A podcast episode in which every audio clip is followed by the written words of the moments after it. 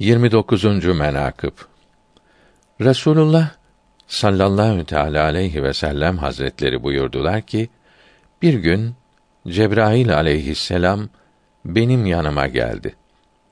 Ben dedim: Ey Cebrail!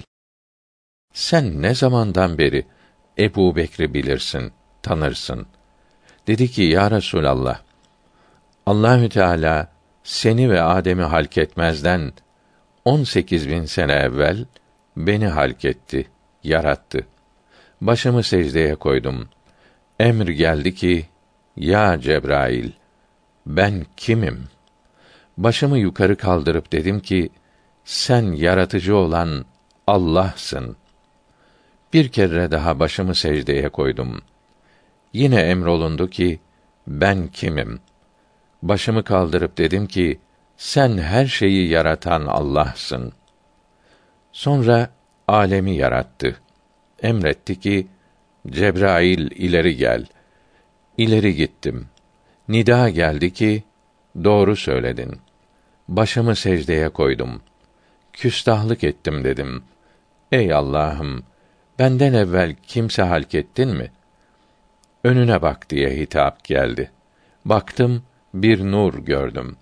Sağıma ve soluma baktım, nur gördüm. Ardıma baktım, nur gördüm. Dedim, ey Allah'ım, bu nurlar nedir?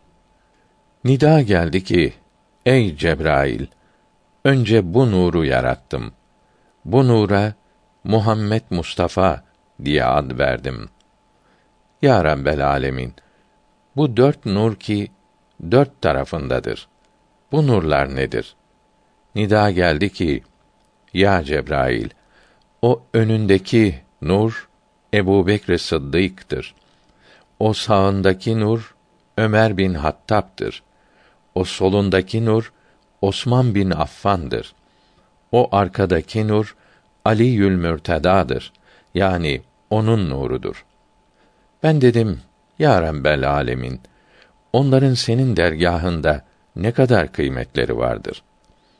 Nida geldi ki, ya Cebrail, benim izzetim, celalim hakkı için her kim benim birliğime inanıp Muhammed Mustafa'nın risaletine şehadet ederek kıyamet gününe gelir, bu cari yarın yani Hülefâ-i Raşidî'nin muhabbeti onun kalbinde olursa onu cennete dahil kılarım.''